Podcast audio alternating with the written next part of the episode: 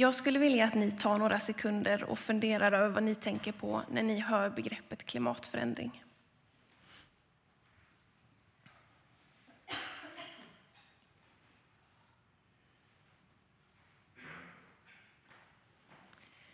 Jag kan inte säkert veta vilka ord det är som dyker upp i ert huvud.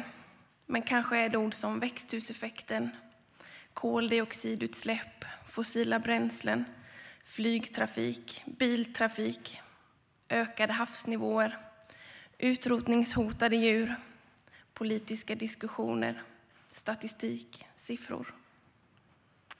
Jag tror inte att jag är ensam om att förknippa, förknippa klimatförändringar med den här typen av ord och begrepp. Det är ofta så vi får det presenteras för oss i media. Ny forskning som visar vilket år havsytan kommer att öka med ett visst antal centimeter. Eller annan forskning som har räknat ut precis hur länge de fossila bränslena egentligen kommer att räcka.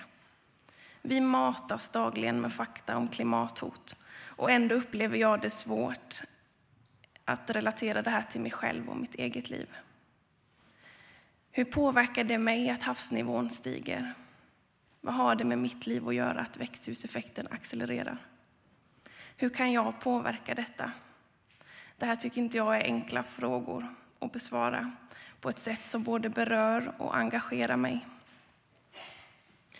Är det en enda sak som jag önskar att ni får med från den här söndagsförmiddagen så är det att klimatförändringar handlar om människor. Klimatförändringar drabbar människor och klimatförändringar påverkar människor idag. Inte om si och så många år som senaste forskning presenterat. Nej, klimatförändringar handlar om dig och mig idag, varje dag. Och genast blir det enklare för mig att förstå hur både havsnivåer och växthuseffekt påverkar både mitt och ditt liv. Klimatfrågan är en fråga som är högst aktuell och verklig både för mig och dig och vi som är kristna. Det är en fråga som handlar om den jord och de människor som den Gud vi tror på har skapat. Och det är en fråga som handlar om gemenskap och gemensamt ansvar.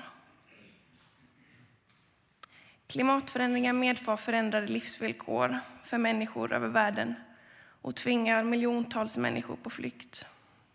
Naturkatastrofer som de senaste 20 åren har fördubblats i antal till följd av klimatförändringarna påverkar årligen 211 miljoner människors liv.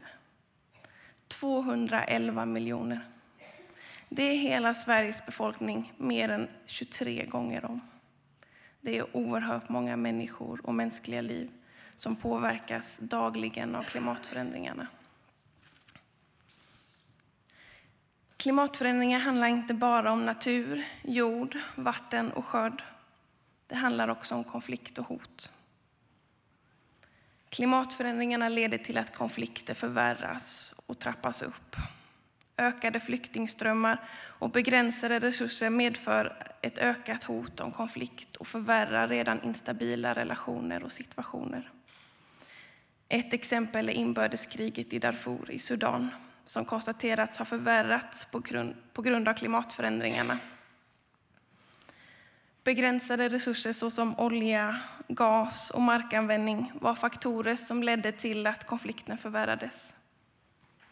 Ett annat högst, högt aktuellt exempel är kriget i Syrien som inte bara har politiska orsaker utan också är en följd av den fem år långa torka som drabbade landet före krigsutbrottet.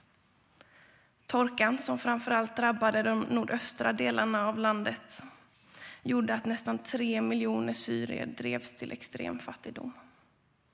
Hundratusentals tvingades lämna sina hem på grund av den otrygghet som uppstår när ni inte längre vet om det finns mat för dagen.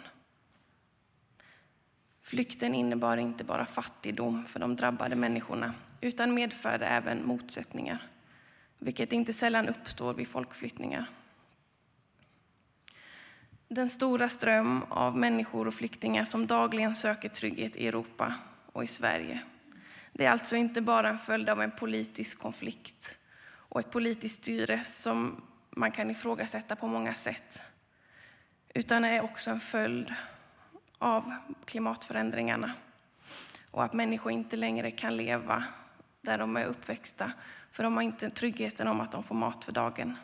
De tvingas lämna sina hem och söka den tryggheten någon annanstans. De klimatförändringar som är orsakade av människor och som jag och du dagligen bidrar till, det är alltså en av orsakerna till att så många människor nu söker trygghet i vårt land. Vi kan inte hålla det ifrån oss och vi kan inte ställa oss vid sidan om och lägga allt ansvar på alla andra. Klimatfrågan är alltså också en fråga om fred och en fråga om mänskliga rättigheter. Det är en fråga om gemensamt ansvar för att människor ska få rätten att leva ett liv i trygghet.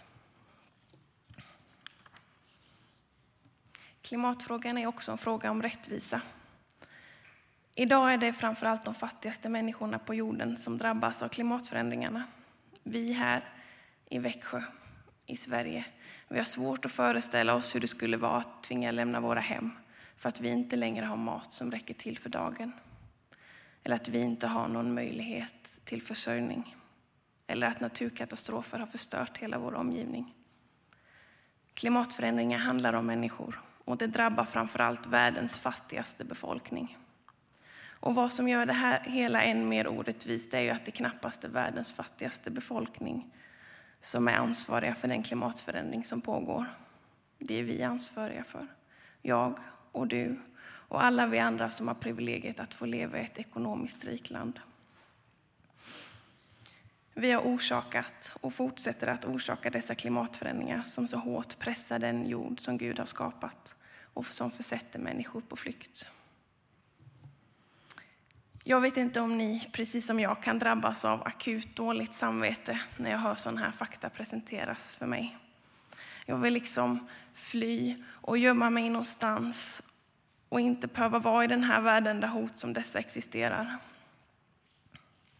Och om det är någon mer än jag som kan känna igen sig i det så kanske ni också kan känna det där när man känner att allt elände som finns i världen, det känns helt övermäktigt. Jag förstår inte hur jag ska kunna bära allt detta på mina axlar.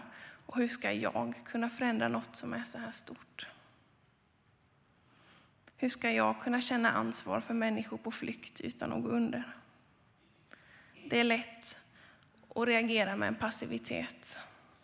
Om jag inte tänker så mycket på det där jobbiga, då finns det inte lika mycket. Livet blir så mycket lättare om jag bara får leva det i fred, som jag vill, utan att gå med ångest över klimatet och ansvarskänsla varje gång jag kör bilen till jobbet eller handlar den mest omiljövänliga men billigaste bananen på Ica. Eller slår upp dagstidningen och läser nya krigsrubriker. Varför måste jag ta ansvar för vad alla andra gör? Det finns väl ändå de som faktiskt är mycket mer omiljövänliga än vad jag är. Och de verkar inte bry sig. Borde inte de ta ansvar före mig? I alla fall så var det så här jag kände för ett par år sedan. Att det dåliga samvetet konstant gnagde.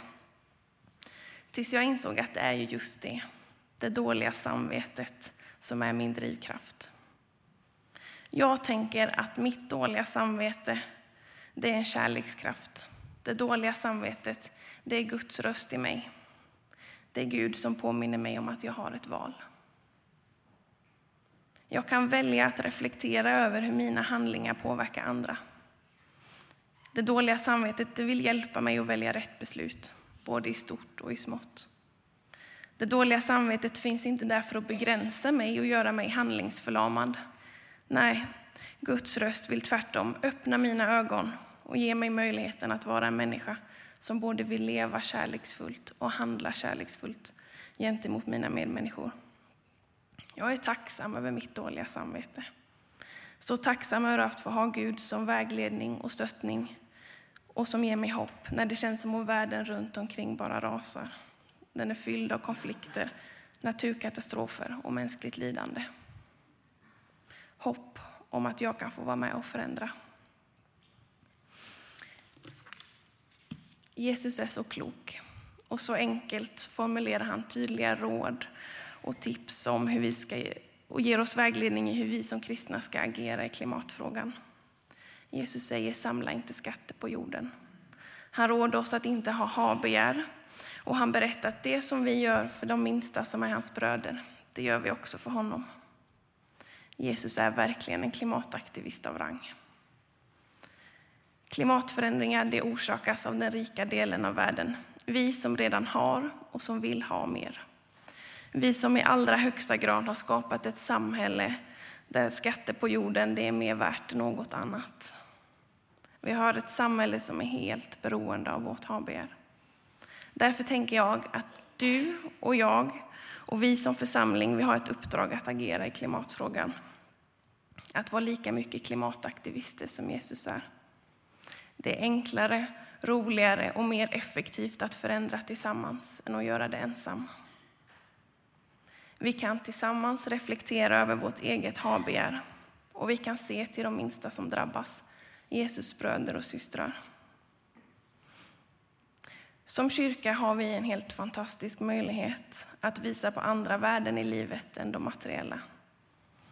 Vi har möjlighet att genom påverkansarbete och medvetna beslut ta ställning för en rättvisare klimatpolitik. Och vi har möjlighet att öppna våra hjärtan för de människor som dagligen drabbas av klimatförändringarna, både i bön och med konkreta handlingar. Jag önskar att vi ska värna om våra dåliga samveten och låta Guds röst göra oss handlingskraftiga så att vi tillsammans får vara människor som förändrar världen.